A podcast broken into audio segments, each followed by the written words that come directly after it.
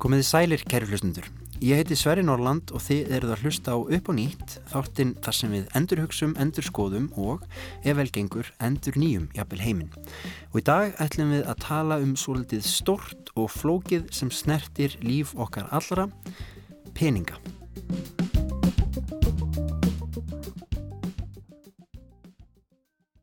Til mín er komin Áskil Brynjar Torfason, doktor í fjármálum. Þetta er svolítið svakalegur titill. Já. Þeir eru ekki hverju strái eða, eða hvað, eru þeir út um allt? Nei, þetta var nú eiginlega bara óvart satt að segja. Ég ætlaði að skrifa doktorsynningur um fasteignir. Og, og lendir í því að skrifa um, um fjármál? Uh, já, bókaldi böngum eiginlega. Já. Því einhverju varð að gera það. Já, þetta er sem sagt, þú, þú skrifaði doktorsritger um sjóðstreymi innan skandinaviskara banka, er það ekki rétt hjá mér? Jú. Já, ok. Og, og það kom þannig til, ég, ég flutti nú út hérna 2004 til að reyna að færi dóttorsnám en fekk ekki fjármögnun og fór þá að vinna fyrir alþjóðlega fjárfestingasjóð það var miklu öðveldar að fá mikla penninga heldur en já, já. litla penninga svo 2008 um vorið byrjaði ég í dóttorsnámi og ætlaði að skrifa um verðmætti fastegna en og, og gerði lísensjadritgerðum langtíma fjárfestingar í fastegnum en, en það kom þannig að þetta hrun hann um hausti 2008 þannig ég byrjaði strax í svona rannsóknarhópi um bankamál og, og það var eiginlega svolítið óvænt að koma í ljósa það er eiginlega bara hinn hliðin á penningnum sko, ef maður má nota þá líkingu. Það er að segja að fastegnir eru mjög mikið fjármagnaði náttúrulega með lánum og mm -hmm og er stærsti fjárfestingar eða kosturinn ef maður skoðar peningan alltaf í heiminum. Já, þá er þetta... Fast, fastegnir bæði heimili fólks og, og atvinnhúsna er, er starra heldur en hlutabref og skuldabref. Þannig, þannig að, að, að, að það var eiginlega, já, þannig sem þetta kom til og, og, og semst, ég, til þess að skoða verðmætti fastegnana þá lendi ég hjá profesor í reikniskilum út í Svítjað og að því að fastegnar eru eignir og, uh, og þegar maður er komin inn í bókaldið og fer síðan að skoða bankana þá var náttúrulega mjög spennandi að sjá þar að, peningarnir sem að þú setur inn í bankan þinn eru þín eign að þeir eru á skuldalið bankans. Þannig að peningarnir er eiginlega lánið þitt til bankans. Já Ég lefi hlustundum aðeins að melda þessa fullinningu, það tók mér smá tíma, en ef við spólum aðeins tilbaka og, hugsa, og, og spyrjum bara, og, og mér finnst við ofta kannski peningar snerta lífa allra og hverjum degi, marg sinnis, uh -huh. en ef ég spyrði þið bara reynd út, og þú er búin að velta þessu fyrir þér árum saman, hvað eru peningar? Segjum að vera útskýra bara fyrir lillu barni, hvað já, peningar eru? Já, það, það er, hérna, þá fór ég svona eftir í mína æsku og búndin síðan hann var í Sveitjá, hann veitnaði einar ben og sagði að peningar eru all þeirra hluta sem gera skal. Mm. sem er ágættis hérna lýsing hjá að tapna skáldinu. Reyfi afl sem eina samfélagsins. Uh, en, en peningar uh, eins og ég horfa á núna í dag eftir þetta, þeir eru samfélagslegt fyrirbæri. Þeir eru ekki hlutur það er, það er mjög mikilvægt. Þeir eru ekki eins og kartablur, það er svolítið vandi hagfræðinar þegar þeir hafa viljað þar um, já, meðhöndla peninga eins og um, hverja aðra hluti, kartablur eða annað sem frambúða eftirspurnur á því verði á og já. vextinni séu verð peningan en, en í raun og veru er, er peninga mjög óefnislega, þeir eru mjög svona næstum því hálf goldróttir þar sé að þeir eru uh, eiginlega bara hugmynd sem við búum til og byggir á trösti Já, byggist allt á trösti Já. og, og hva, trösti hverra? Já, þeirra sem að nota þá og þeirra sem að halda utanum þá þannig að þar, þar með þess vegna er gífurlega mikilvægt bæði tröst í bankakerfinu og fjármálakerfinu öllu og til eftirlitstofnanana, fjármála eftirlitana, selabankana, fjármálaráðunitana sem eru svona þær stopnarnir samfélagsins sem við höfum byggt upp og búið til til að halda utanum þetta penningakerfi en líka endurskoðanda og þeirra sem eru að, að eh, passa upp á að það sé rétt farið með og rétt staðið skil á reikningunum og reikningshaldinu.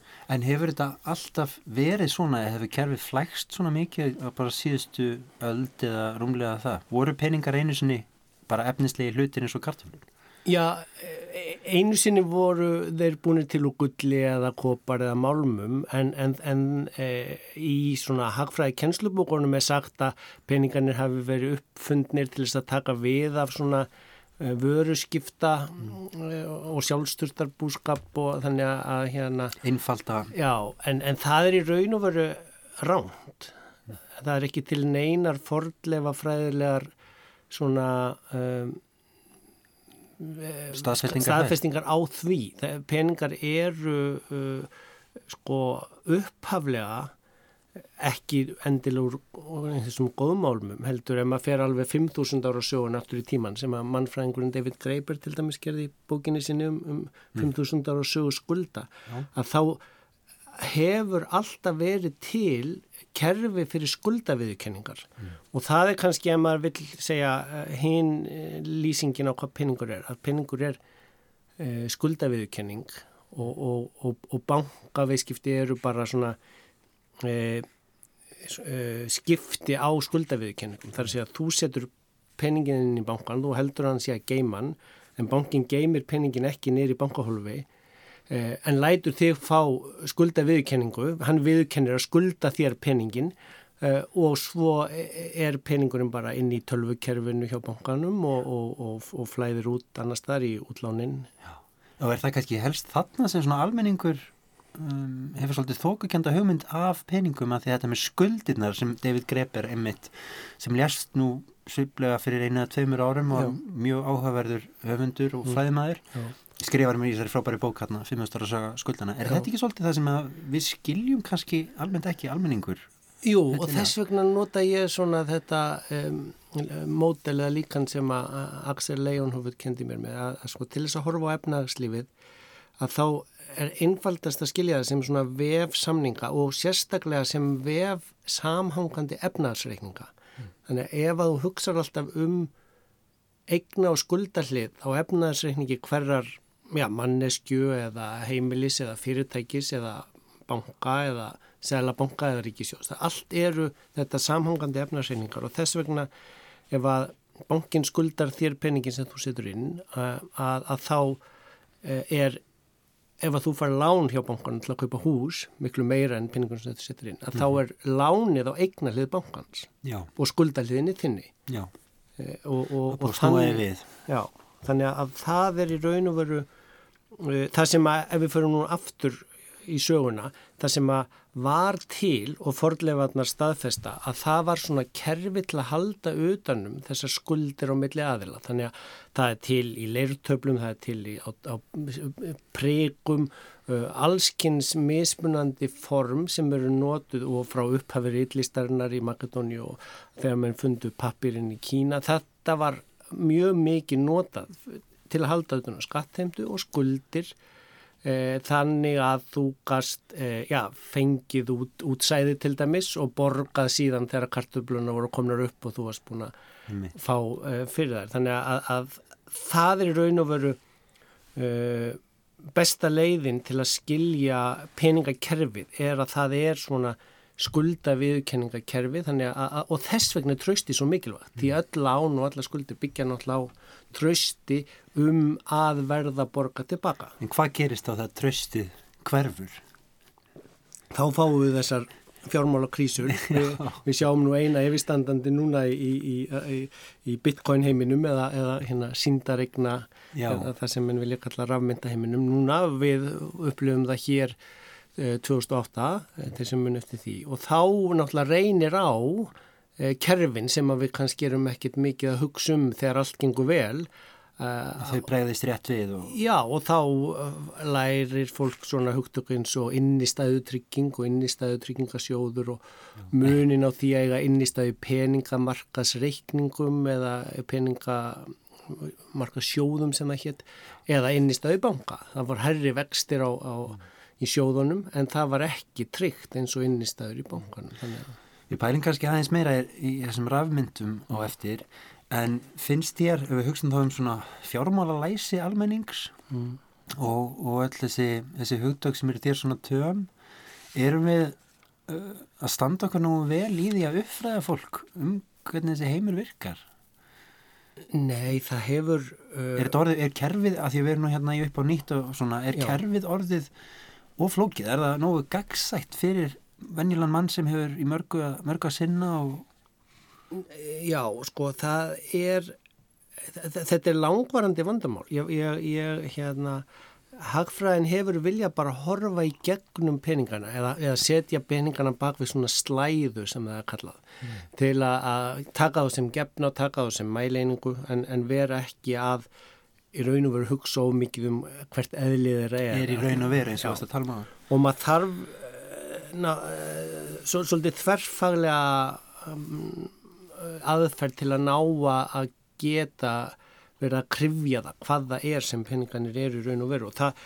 það gerði eh, það var mjög gaman þegar ég komst yfir gamla bók, það gerði Benjamin Hájóð Eiríksson í, í, í doktorsutginni sinni úti í Harvard hjá, hjá hérna Schumpeter fyrir sko, það hefði látt að halda upp á það í dag uh, nei, í, í ár að það eru 60 ár síðan að hann held mjög merka fyrirlestra eh, og fylgdi hér samkomiðhús í bænum til að tala um svona hug hugtakið og eðli peningana eh, og, og, og gaf þátt og hans svona sína á það þarna á þessum tíma var að peningani væru svona uh, synchronicity sem er svolítið erfitt að Já, er... þýða að það væri svona til að sveiblu mm -hmm. jafna eh, yfir tíma uh, efnahagskerfið okkar sem er ágætti sleið ef þú, ert, ef þú hugsaður um aftur þú tekur lán til að kaupa þér hús það er til þess að geta Já, flutta heimann og búið með börnunum þínum.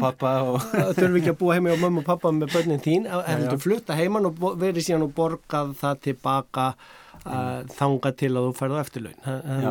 Þetta er svona þín persónlega hagsveifla. Lóksins þú færðu eftirlaun þá klárar þú síðustu afborgin. En hvað heitir þessi fallega bók? Um, hún, er, hún heitir á ennsku uh, The Concept and Nature of Money. Ef einhver hlustandi veit um íslenskan texta af þessum fyrirlestum þá væri það frábært að hérna, hafa saman dömi en, en hann, uh, hann held þetta hjá Vísindafélagi Íslendinga í, í februar 1962 Uh, og, og gaf, gaf síðan fyrirlestran út. En, en, en, en það það er í raun og veru sko e, já það sem við, við, við erum að hoppa svolítið fram og tilbaka í sögunni það sem að gera síðan já, um þetta leiti sem hann er þarna úti að það byrjar í raun og veru með, með bók John Maynard Keynes mm -hmm, um, um, um, um General Theory svona grundvallar kenningin um atvinnu, vexti og peninga. Mm. uh, og, og, og hann er náttúrulega svona einhver leiti fadir nútíma hagfræðinar ef Adam Smith er svona fadir um, uh, hagfræðinar upphaflega. En raun og veru var Aristoteles fyrsti hérna hagfræðinar þeir, þeir, þeir fengi að gera allt fyrst. Já, já, en, en, en, en en sko það, það eiginlega uh, sem þarna Eh, gerist, það, það, þetta er sko eftir fyrra stríð og svo séðan sérstaklega eftir setna stríð að þá verður mjög mikil svona umbylting á, uh, á því í fræðheiminum hvað peningarnir eru og hvað sé hægt að gera með þeim að því að mm. eins og við til dæmis bara sjáum ef maður fyrir að hugsa aftur og bak í marsjalaðastóin að þá, þá í raun og veru hjálpuðu eh, bandaríkjaman við að endurbyggja Evrópa eftir að hún hafi verið löður úst mm. Uh, en það var ekki, ekki þannig að það þurfti að fara að sapna saman eða hækka skatta í Ameríku eða taka lífeyrispenninga frá Ameríkunum til að borga til Evrópu, marsjalaðstofun og byggja upp uh, nýja Evrópu eftir að hún hefði verið laður úrst heldur þarna er, er, er nýtt afl um, peningana og, og fjármögnunir til framtíðar. Þannig að að það sé hægt að byggja já, brúin í framtíðin eða endur byggja já, uh, heiminn eftir stríð. Og, og, og, og þá uh, já, kemur svona gamlega klassíski kynsismin síðan kemur nýr kynsismin við skulum ekki fara ómikið út Nei, í fræðin. en, en, en eitt sem þarna mér langar að spyrja það út í þarna er að að því að við erum, við erum að tala um sögu peningana í bara aldana rás mm. og hvernig þeir hafa alltaf fyllt okkur og við sem dýrategund erum dýrategund sem stundar vestlum og viðskipti, ég held að það sé nokkuð ljós já, já. en svo er þessi kallarsónennir, Adam Smith og Jane, John Maynard Keynes mjög taktir mm. og, og þeir móta þessar hagfræðikenningar sínar í veruleika sem erum kannski svolítið reist að því að núna cirka hundrað árum síðar þá erum við farin að tala um mannskins hluti sem voru ekkert ofalega í deiklunni þá eins og sjálfbærni og allt þetta og við erum ekkert búin að tala um kapitalismi heldur nei, nei. og mér finnst undum eins og þegar við erum að hugsa um kapitalisman þá þurfum maður að vera sko segja já eða nei en það lítur að vera eitthvað svona í sögu kapitalismans sko kapitalismi fer í gegnum einhver stig og mér finnst við að koma inn á einhversum stað í kapitalismanum mm. til dæmis þökk sér tækninni þar sem mm. að vera til svona einogunar stórveldi já. og þá er þetta með þessi hugmyndum frambóða eftirspyr bara en hlægileg. Af því að þú er með ótakmarkað sjósflæði til þess að útrýma keppminutum þá er þú nær einogunar stöðu og þá er þessa hagfræðikenninga náttúrulega orðnar hlægilegar.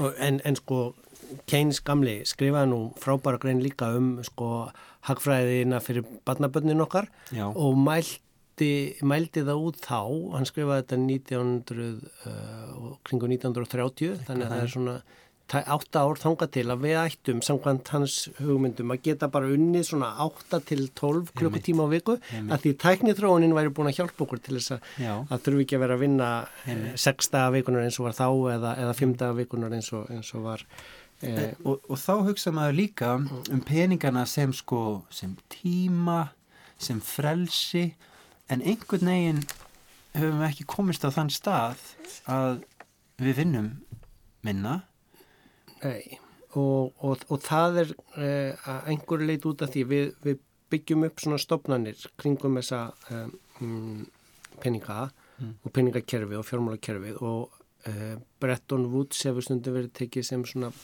punktur þegar fjármálar á þeirra heimsins komið saman undir lok heimstyrjaldanar síðari í, í bandaríkjunum og, og lögður grunnina fram tíðar fjármálakerfinu, þetta var 1944 en, en Keynes tapaði þar. Harry Dexter White mann í raun og veru, eða fulltrúi bandaríkjana vann en, en Keynes sem var fulltrúi breska heimsveldi þá hans hugmynd tapaði um, um að koma á svona einum alþjóðlegum mm. selabanka og jável um, um, bakgrunnsmynd. Þannig að þarna var til allþjóða geldurísjóðin og allþjóða bankin og, og síðan í raun og veru uh, kemur öll þessi uppbygging og uppseflan hann af 50-60 og, og svo í kringum 70-80 byrjar þessi nýfrálsíkja að koma og hún er og, og það sem Axel Leon höfut kennara minn myndi segja að það hefur verið rángtúlkun á Keynes mm. nær yfir höndinni Mm. Um, og, og, og hvað er fyrir þá sem ekki þekkja vel, hvað, hvernig, hvað er nýfrálsíkja í þínum huga? Já, eh, hún, hún, það, er, það er kenning sem er, er nótu til að byggja upp í raun og veru fjármálakerfið eins og við höfum lifað við það undanfarn ára tíu og, og það hefur svona verið að móla stundan henni frá því fjármálarsuninu eh, fyrir núna 14 árum. En, en hún er ansi lífseg samt eins og eh, kenningar geta stundum verið þegar það er ná að breyðast út um allt.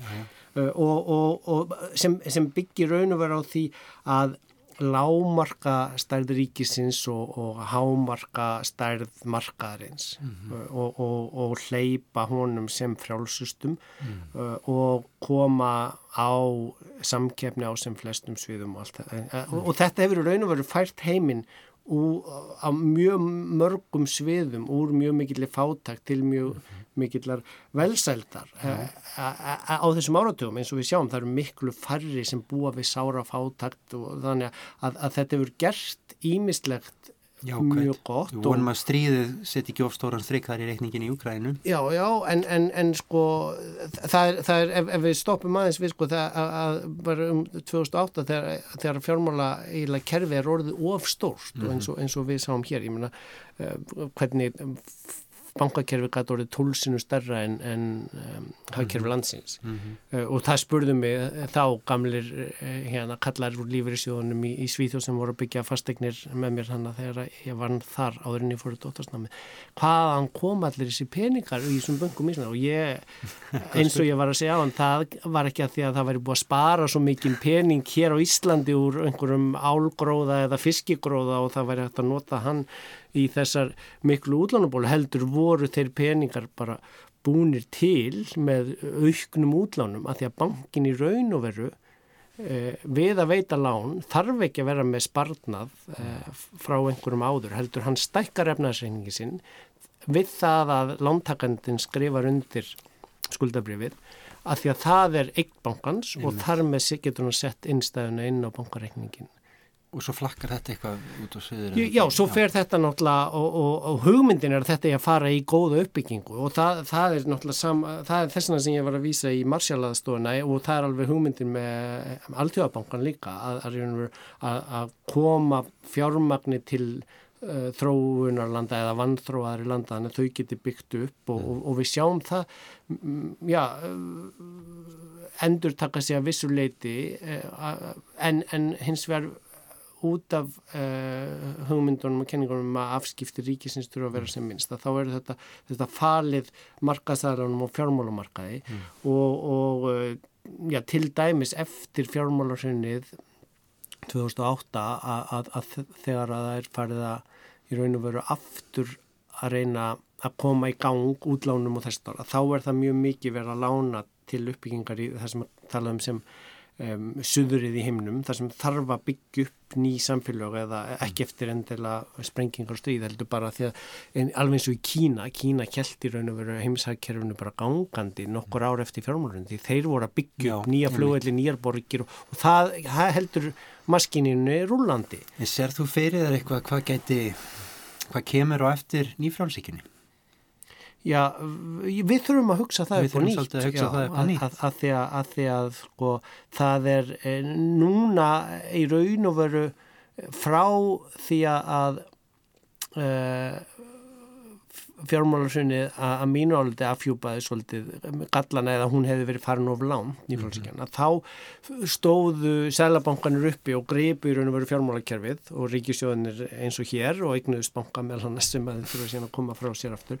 En, en selabankar heimsins sko tvöföldu efnarsynningarna sína strax eftir fjármálarhunnið og, og, og þreföldu og fjórföldu það á síðan. Mm. eh, og, og vildu síðan fara núna að draga úr stuðningnum en þá kom þessi heimsfaraldur og þá þurftu þeir aftur á tvöfalda ef, sko, ef þú tvöfaldar fjórsfaldana þá ertu komið áttfaldan efnaðarseininga og, og, og síðan í raun og veru e, þegar að heimsfaraldarinn fer að vera búinn og þá núna á að fara að skrúa fyrir hérna örfunina eða stuðningin sem selabankunir gefa út í hagkerfið og, og fjármálakerfið að þá eh, kemur innröðsastriðið í Ukrænu þannig, þannig að, að við höfum ekki almennilega haft svona tíman til að, að hugsa upp og nýtt þetta fjármálakerfi. Og svo er líka mjög sterk upp sem vilja viðhalda Já. fjármálakerfinu eins og, eins og það var eins, eins og er. Og, og þau, það, það er í raun og veru afl eða vald kapitalsins ef þú mm -hmm. að spyrja um kapitalismann mm -hmm. hann byggir náttúrulega á lögum og reglum, réttaríkinu sem er svolítið slæmþýðing og rule of law, mm -hmm. það, það, það þarf leikreglur og, og utanum markaðin til þess að leikurinn inn á vellinum fari ekki úr böndunum. Nei, en hann er kannski ekki alltaf jafn. Nei, og, og, og það er kannski það sem að ég held að, að, hafi afhjúpast í fjármálurinn og ekki alveg sé búið að vinna úr, að, að við þurfum að þess að hugsa e, þessar reglur upp og nýtt, að því að til dæmis e, er það að vera með uh, samkeppni millir banka mm. í, í litlu hakkerfi eins og hér mm. er ekkit endilega skaffa fólki hér uh, hagkvæmari lán. Það, við borgum mun meira fyrir húsnæðislánu okkar en, en vinnur okkar í nákvæmlandum. Það er endar annað, það er náttúrulega, þú snertir á þessu mörgu en, en, mm. en svo er það nú annað fyrirbæri, banki. Já sem hefur breyst ofbáslega mikið á 100-150 árum. Já, ég held að margir í rauninni í dag hafi bara svona ólösa hugmyndum hvað banki er. Útibúum fækkar, samskiptin eru meira og meira fjarlægð. Sko, og, og, og það, er, já, það, er, það er aðeins margþætt sko svona fjárfestingabanki eða það sem var orðin svolítið of stór hluti í bankakjörnunu hér fyrir húnni að það var áður fyrir í formi hérna partnership sem að kalla maður það á íslensku þá, þá áttu í raun og veru eigandunir Já. hlut í honum og, og, og það voru þeirra, þeir voru að spila með eigin peninga með annara fólkspenningum en síðan kemur þessi hlutafélaga væðing með, með sem er náttúrulega vissuleiti grunnun ífrálsíkinunar og allara nýsköpunar að þú getur búið til aftur með lögunum hérna hlutafélag sem er félag með takmarkað ábyrð mm. þá býrðu í raun og veru til e, einingu sem er ekki persóna en hún hefur ansi marga eiginleika persónu þar að, að hún heldur á skuldunum Já. hlutafélagið, ekki hlutafanir þeir bera ekki ábyrð á öllum skuldunum og þegar það fyrir síðan í, í, í illa og í þróta þá sleppa þeir við það, það en, en félagið, hlutafélagið stendur upp með skuldinu þannig að, að þess vegna þurfum við náttúrulega mjög stert og öflut laga um hverju til að vinda ofan á því. En, en e, e, og, og við vorum kannski með þeim síðustu hér á landi í að koma böngunum úr ríkiseigu og í hlutafélagaform Norrlöndin gerði þetta 1980 eitthvað fram til 92 og fengu þá sína bankakrísu. Já. Eh, og, og eh, stóðu síðan betur af sér 2008 krísuna en, en við sáum líka þá Eh, eh, þegar að 2008 eh, krísan kemur og þá er það svona bankar sem eru farnir oflánt í meðal annars húsnæðislánum til mm. hérna lélæra lánveitinga og eru síðan búin að fjármóla að væða það og selja þær hérna þá skuldabrjöfa vöndla mörgu sinum þannig að, að það er í raun og veru lærdumurinn og við sjáum það í nýjustu myndinu núna með, með rafmyndirnar eða mm. sem að ég vil ekki kalla myndir heldur mm. síndaregnir Íslandskan er svo lýsandi oft, það er ekki hægt að blekja fólk já, á íslensku í sæðislega. Og, og að þar, þar er sko núna þegar að herðir að og, og, og ef allir eða margir vilja ná út fjármununum sínum úr, því, úr, úr þeim spila eh, sölum, að þá reynir á og þar er ekki eins mikið reglum hverju og eins, ekki eins mikið trygging á bakvið og engin seglabanki sem stendur á bakveð þannig, að, þannig að það er verið að gera tilraunir með framþróum peningakerfisins og, mm -hmm. og það er nú í raun og veru það sem að fjekk eh, sko svolítið aukin hraða inn í þess, þetta þróunum varðandi framtíð peningana og, og, og myndana að, að sænski seglabankin svo elsti var byrjaður að tala um e-krónu mm. en, en síðan var það í raun og veru bara svona gæluverknum þar til að, að Facebook ætlaði að byrja með Eh, rafrænan gjaldmiðla Já, búa bara sér til þetta eigið hækjari svo að fólk bara festist undanlæni á Facebook þú geti borga með Messenger og það átt að búa Já. til rafmynd sem hér DM og svo átt hún að heita Libra en mm. svo í raun og veru greip uh, eftirlýskerfi inn í og veitti þeim ekki mm. uh, bankalega að því að augljóslt var að bandaríski selbankin vildi ekki þurfa að standa á bakvið eh, einhvers konar eh, hálfbanka Facebook samstæðunar þannig að það rann út í sandin Þetta er mjög dystopísk hugmynd finnst mér Já, núna er Elon Musk sem er búin að eignast Twitter að gæla af einhverju hugmyndur um að setja upp uh, Twitter coin En er þetta ekki svolítið svona lýsandi fyrir vandan að peningakerfið það þarf einhvern veginn aukið líðræði? Við Jú. þurfum að hafa meira að segja, allir, skilning og uh, einhver áhrif á hvað gerist. Ekki láta ríkustu menn heims nepp okkur inn í einhver loku kerfi þar sem þeir stjórna öllu. Nei. Eða þá kannski sérfræðinga sem Eh, tala mál sem almenningur skilur ekki. Já, nei, ég, ég held að það þurfi virkilega að, að hugsa þá. Ég skrifaði nú sko langa, sexina langa aðtúarsemt við kvítbókinu fram til fjármálakerfisins Hjörlandi sem kom út fyrir fjórum árum mm. sem var svona grunnurinn að því að fara síðan að selja uh, eða enga væða aftur uh, bankana sem voru hér tveir í ríkisegu af þreymur. En, en núna að því þessar fyrir stöndum við í því að, að það komin skísla frá ríkisendurskóðunum um þess að hálnuðu engavengu á fyrri af þeim tvim bönguma.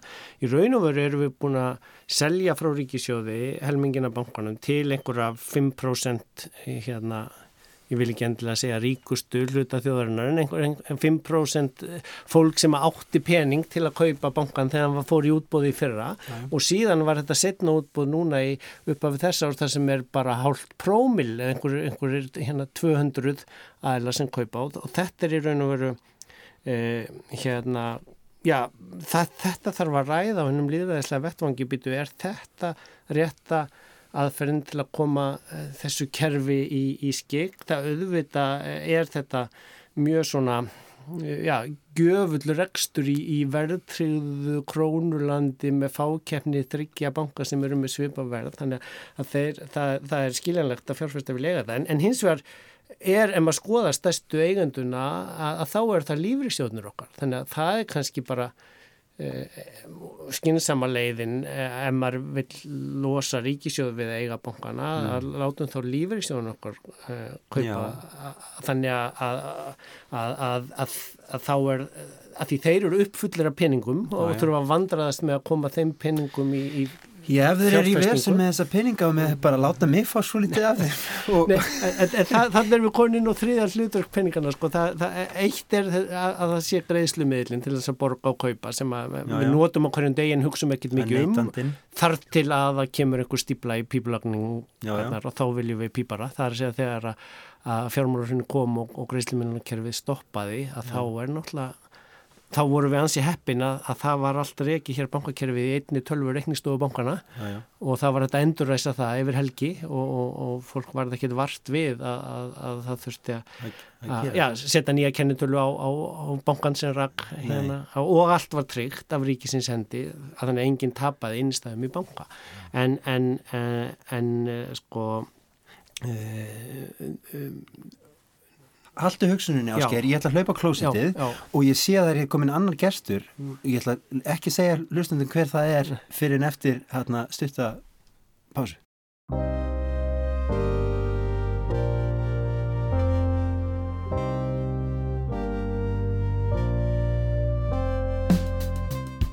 Kæri hlustundur, hingað er komin nýr gestur, það er Jökull Solberg, hann er forritari og hann er raunar margt annað til listalagt líka. Ég held að hann hefði bara heyrt í okkur áskeri vera hérna að ræða fjármálakerfi heimsins og peninga og okkur var svo heitt í hamsi að hann stóðist ekki mátið og, og kíkti bara hérna inn í hljóðstofuna til okkur. Já, Takk, ég gekk líka við að hljóði bara. Já, það er alltaf gaman að, að spjalla við þig, en mér langaði að spyrja þig fyrst, uh, hvað eru peningar? Uh, Stórt er spurt. Uh, það er þetta bókastafli fyrir frammi frá á áskeri svona... Þú hefur ekki tíma til að lesa það ekki Nei, ég hef ekki tíma fyrir það. En uh, peningar er náttúrulega svona mismunandi hver er að horfa á það hvernig, hvernig það skil greint en hérna Þann... ég aðvillist svona, svona MMT skóla í Hagfræði og, og þá er svona sagan af peningum útskýr sem svona ringrás af af þessum gjaldmili og svo saga er oft sögð svona fyrsti kaplunni þeirri sögur sagður frá ríkinu Já. ríkið ákveður að skatleggja og halda upp í einhverju þjónustu og eitthvað svo leiðis og þá verður til eitthvað sem gengur svo mann á milli til þess að greiða fyrir þjónustu Þannig að ríkið er svona uppafs Já, það er allavega einlega að segja þessa sögur Já. og svo út, útskýra svona eðli peninga Einmitt, en, þá, en þá er svolítið áhugavert að hugsa um að sko þetta hefst hjá ríkinu en svo erum við alltaf verið að sigla í þá kröfum að ríkisafskiptin séu minni og minni af fjármálakerfinu. Já, einmitt, þá alltaf verða til svona sjálfstætt sjálfstætt líf hér og þar í samfélaginu þar sem að svona uppbrunning kannski gleimist og má alveg, má alveg gera það. Já. Það sem að verður til svona ykkur leikir eða, eða hugmyndir og okkar narratífur sem fólk grýpur í Og narratífan er mjög mikilvæg. Fólk þarf að hafa trú á að það sem heldur á í dag sé eitthvað sem verður morgun. Einmitt. og narratífan hún tvinnar sko svona fortíð nútíð og þáttíð saman. Þannig við áttum okkur á sko að ég held að það sé mjög, mjög mikilvæg partur af eðli peninga er svona þetta, þetta, þessi tími. Frosti núti framtími já, já, já, að, að þú hefur trú á að það sem þú færði hendurnar í dag sé einhvers verða morgun. Já, ég ætla rétt að vona Já, og, en, hérna, og þá er svo mikilvægt að hérna,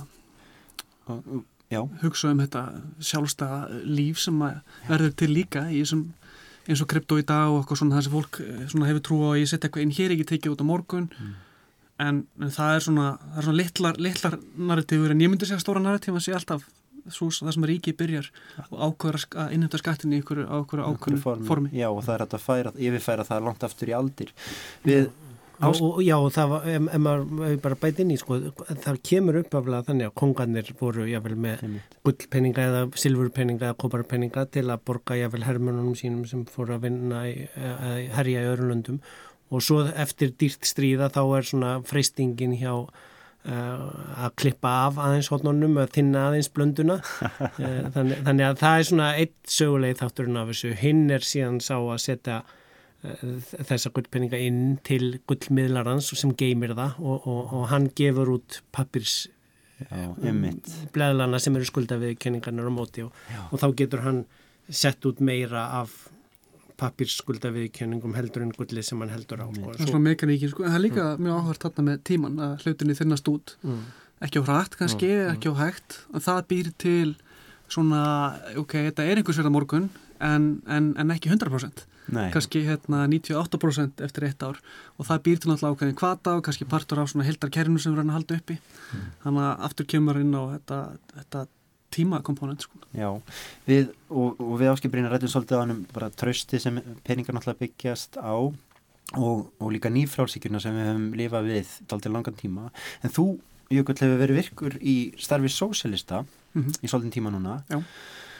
og þar les maður og, og frá ykkur heyri maður oft svolítið svona hressilegar og skemmtilegar hugmyndir þar sem að þeir eru svolítið óhrættir við að sko viðra ímsar hugmyndir sem virka oft ansið rótækar en jáfnveg líka bara skinsamlegar og, og svona óhættir við að hugsa hlutina daldi upp á nýtt hvað fekk þið til þess að vera virkur sósælisti og hvað er, hvað er það með sósælismi í þínum huga?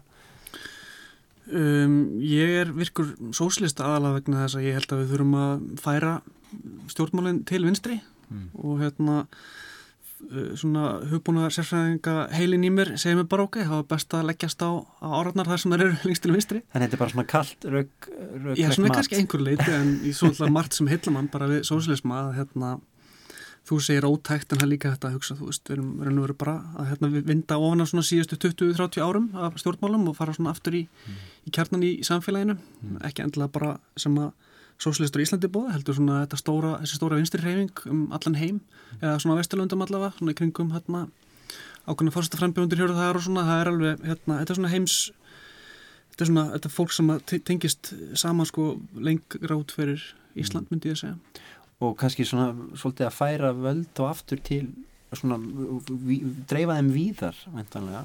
Já, ég veit ekki, þú veist, ég er fættur 86, mín kynsla sé náttúrulega mikið af svona það sem að Svolítið Anna og fleiri er að kalla svona þetta sérfræðingaveldi og stjórnbálunum sem stýrturinn eru af svona hæfasta fólkinu sem er búið mentarsákun átt og veit að best eitthvað hvað er best að gera hverju sinni mm -hmm. og þá gleimist kannski svona grunn, svona innfaldar grunnkröfur svona ó, ó hérna, tálkar og heftar kröfur bara frá alminningi. Mér finnst mjög heillandi að fara, fara aftur í það líka. Já, einmitt. En hvað... Það var sko 2016 held ég sá í könnuna þá þegar var í bandaríkjunum, landi kapitalismas, fleiri háskólastúdendar sem aðhyldust sósialisma heldur en kapitalisma.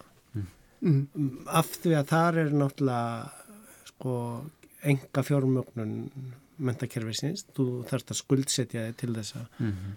uh, náður í mentun. Þannig að, að þetta komst ekki alveg að hingað upp á Íslandstrendur þessi bylgja sem er búin að vera gangi utan, út, út í heimi Nei. í raun og veru frá því að hrunið varð. Og við náttúrulega komumst í raun og veru á endanum vel frá því eftir nokkur ár. Fengum alla peningana tilbaka inn í ríkisjóð sem að voru settið í endur í þessar bankakerfi þannig að meðan í öðrum löndum hefur þetta tekið lengri tíma og fólk mm. orðið fyrir já, hans er miklum búsífum ég, ég er svo ístöðulegs sjálfur að ég hef aldrei getað aðfylst stjórnmála skoðun eða verði í stjórnmála hreyfingu og einhvern veginn ég er alltaf svo mikið með, með öllum í liði.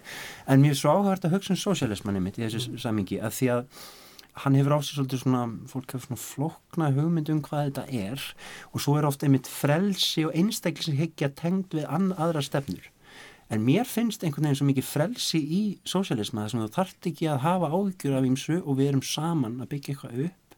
Er það ekki, og það er viss svona einstaklingsfrelsi í því.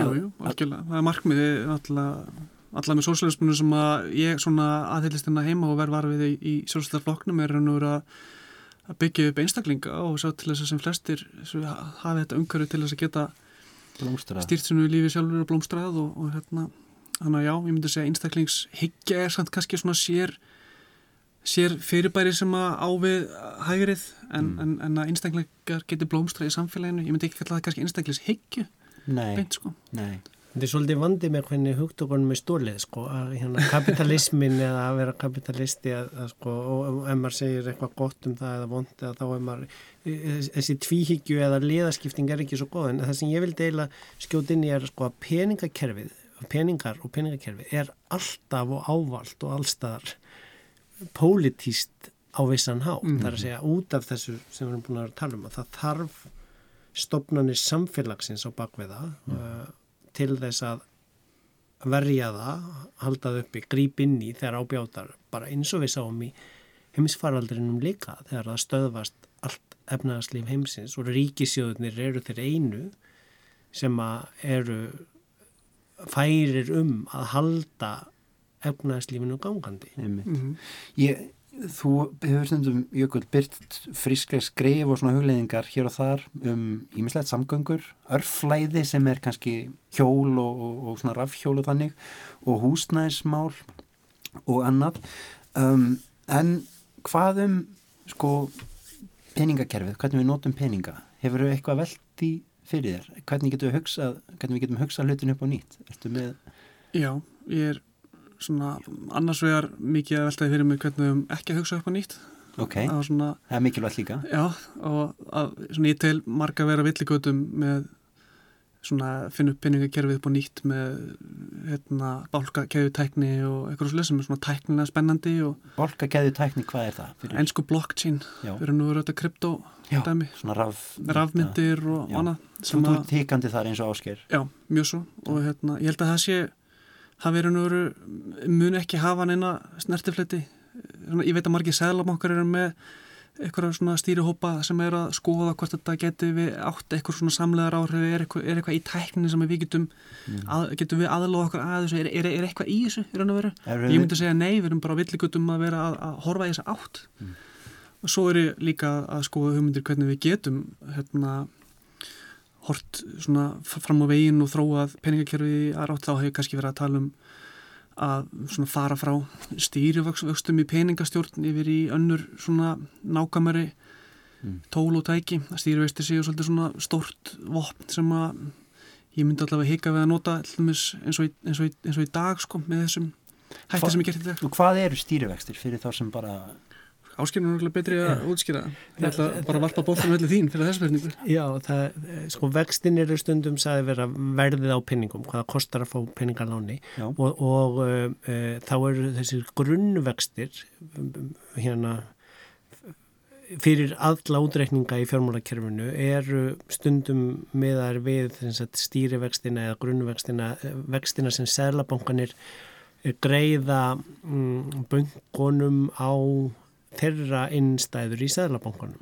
Eh, þannig að Sæðlabankin hefur raun og verið tvöfall hlutur. Hann er banki ríkisjóðs en hann er líka banki bankana og með, þarna setur hann svona baselineið eða grunninn. Mm. Eh, það er oft miðað við líka svipað og tíu ára ríkiskuldabref. Það er að segja hvaða kostar fyrir ríkið að fá peningalunum. Þetta er í raun og verið svona ódýrustu vextinnir sem eru í bóði í kerfinu. Svo eru aðrir vextir þá aðeins herri aðeins meira fyrir húsnæðislánin en þá meira fyrir yfirdráttin eða fyrirtækjalán eftir áhættunni sem bætist við. Það er bara mjög skiljanlegt. Ef maður skjóttir þetta í raun og veru vextinu sem að selbankin setur á svona sína skjólstæðinga mm. og í þeirri vonum að bankinu muni endur spekla þessa vexti áfram til sína skjólstæðinga sem eru við öll hinn eitthvað. En þú heldur að það séu einhverjar nýja leðir? Jafnvel?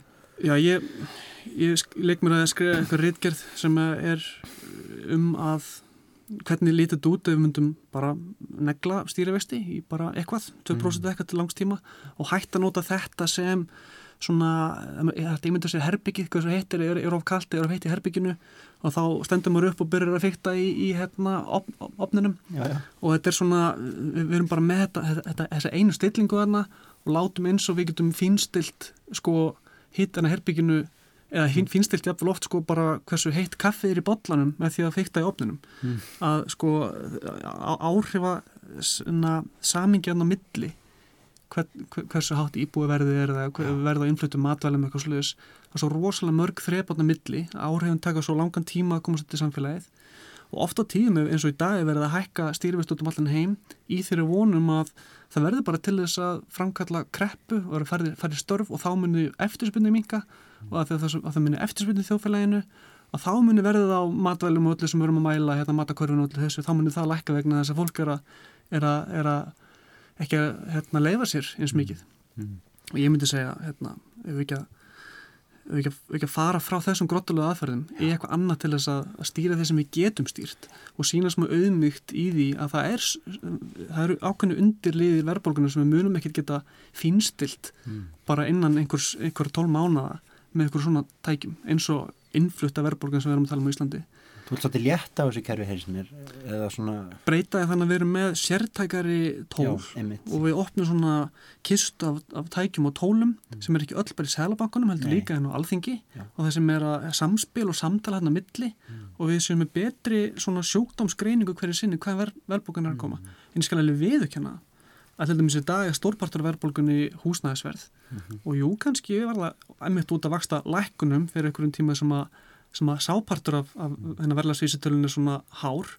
Og þá getur við réttilegt að, að hérna, bakka með þær lækkanir og hækka sýrjast aftur En, en önnur lönd er ekki með húsnæðisliðin inn í sinni verðbólkumæling. Svo er það náttúrulega önnur umræði af hverju annar sagst og mælir þetta svona. Það er annar þáttur. Það er annar þáttur. En mér finnst mjög flott að heyra orðið auðmíkt í þessu samtæði og þegar verða að hugsa um peninga og, og þarna bara almennt það, maður þarf að muna líka að sko kenningar eða líkun eru svona einföldun og leið til að skilja heiminn en það er mjög hættulegt ef að ein kenning eða, eða eitt e, líkan eða meðltæki mm. er notað sem aðal stýritækið á allt það, það er Mér finnst, mér verður alltaf fundist það svo einkennið eftir eins og þú erum að tala um markaðin á þenn mm. mér finnst alltaf lagi að láta markaðin stýra ymsu mm. en ég vil ekki að hann stýri öllu og, og skilur þess að svona einföldu hugmyndi sem er að, ná yfir allt? Og, og peningakerfi er vist veitukerfi. Já, já. þannig að, að þeir sem að trúa á uh, kosti samkeppninar sem við erum nú alveg á, mörg, á mörgum stöðum samálum að það er ekki víst að það sé endilega best og hagkvæmt að hafa samkeppni um klóagleðslunar og vassleðslunar til okkar. Að setja þrjár þannig leðslur í og úr húsin eða tvo eða þrjá ljósleðara til þess að hafa samkeppni þannig að því að þú lendir á endanum sem kunni viðskiptafinnur eða sem ríkisvald endar á því að borga fyrir markvallt kerfi þar sem að í raunin er betra að reka eitt grunnkerfi saman mm. uh, og síðan að hafa já, samkeppni á einhverjum ytri þáttum eða utan við innviðina. Það sem ég er að tala með svona einhverja kist á tólum og tækjum ég held að langflessin tilfellum er þetta tækja og tól sem eru svona mun, mun komið til með að örfa og íta markaðnum í ykkur ákvæmna átt. Þú veist það er ekki verið að tala um að slökva bara á öllum inn, hérna, öllum innbúttunum sem markaðnum kemur með í húsnæði eða eitthvað slíkt og nei, nei. þú veist að það er bara að tala um að þetta er bara bæði. Þetta er bara kerfi sem hafa á, áhrif á hvert annað á mjög flókin hátt, þú eru að þetta greina það nákvæmlega en að við séum bara að reyna að hafa áhrif, góð áhrif En, mér langar að leiða þetta svona í blálókin og svolítið heimsbyggilegar slóðir og mér langar að segja, við erum búin að vera einn að hugsa um peninga en að stæðstu náttúrulega verðmættin í heiminum er ekki peningalags eðlis mm. og til dæmis erum við að hugsa um sko markaðinn, mm. tökum eitthvað sem mér er hugleikið, íslenskuna mm. Íslenskan lifir ekki af á markaðssjónarmiðum, það er ekki hagkvæmt að þarna halda henni á lífi það kostar peninga. Mm -hmm. og mér finnst kannski að við meðum svona aðeins sko, mér finnst peningar afleð svo rosalega miðlagt í samfélaginu. Og maður sér þetta líka sem bara sko almenningsrými þar sem maður má vera að eigða peningum. Mm. þau, þau eru, hafa undir högg að sækja sko gegna peningar bara ekki of stóru hlutverki. Og ég kom með eitt gott dæmi sem er í gangi núna. Það verður að rökka 8 dollara fyrir Twitter sem er svona public, hvað maður að segja svona al, almenningsrými þar sem að hver sem er getur átti samtalið og hvert sem er Ég er að reyna og það er afgangseyri að þessum samfélagsmynd Já, það er mjög það áhugaður partur af þessari umræði Já, svona hann, hvers virði er aðgangurinn að, að mm -hmm. hérna Einmitt. svona þessu mm. torgi Það þurfa allir í lýraði samfélagi að hafa aðgang að torginu Já, ég held að fólk tekur hérna nýra eigandi við og þá átt að fólk sé á því að hérna eigundur geta náttúrulega gert hvað sem er við sínir eignir og ef að svo eign bara, það kemur ljósa að við vorum að hugsa um þetta sem svona almenningsegn mm -hmm. og ég held að Google leitavélinn það hugsa margir um hana þannig, ég get bara Google, ég er ekkert að pæla í einhver getur slögt á þess að þann á þetta. þetta er bara orðið partur af. En það er ekki þannig í reynd.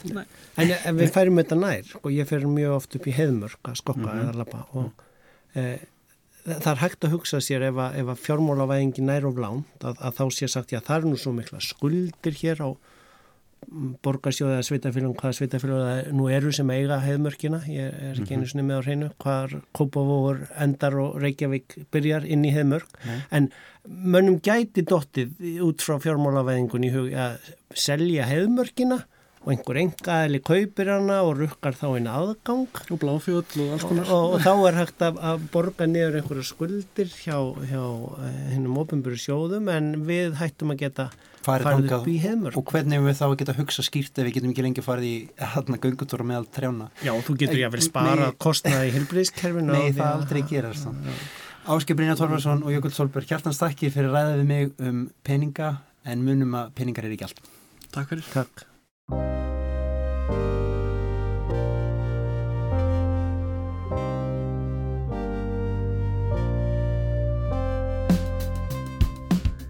Þið voruð að hlusta á upp á nýtt þáttinn þar sem við endur hugsum, endur skoðum og þegar vel gengur endur nýjum jafnvel heiminn. Ég heiti Sverri Norland og gesti mínir voru í þetta skiptið Ágúst Brynjar Torfarsson og Jökull Solberg. Upp á nýtt er á dagskrá á hverjum sunnudagsmórni upp á klukka nýju og er enn fremur aðgengilegur á internetinu. Stef þáttarins var samið og framið af tvíeikinu Urmull og Kraðak. Þið með endilega senda mér hugmyndir að skemmtilegum þemum fyrir nýja þætti og hjartans þakkir fyrir að hlusta. Lesum bækur, hugsum hlutina upp á nýtt, tilherum náttúrunni, samfélaginu, elskaðu sjálfum þig og, ef þú getur, einhvern annan líka, helst fleiri nitt. Við höldum svo áfram að hugsa um peninga og skoða þá frá ýmsum hliðum í næstu viku. Verðið sæl!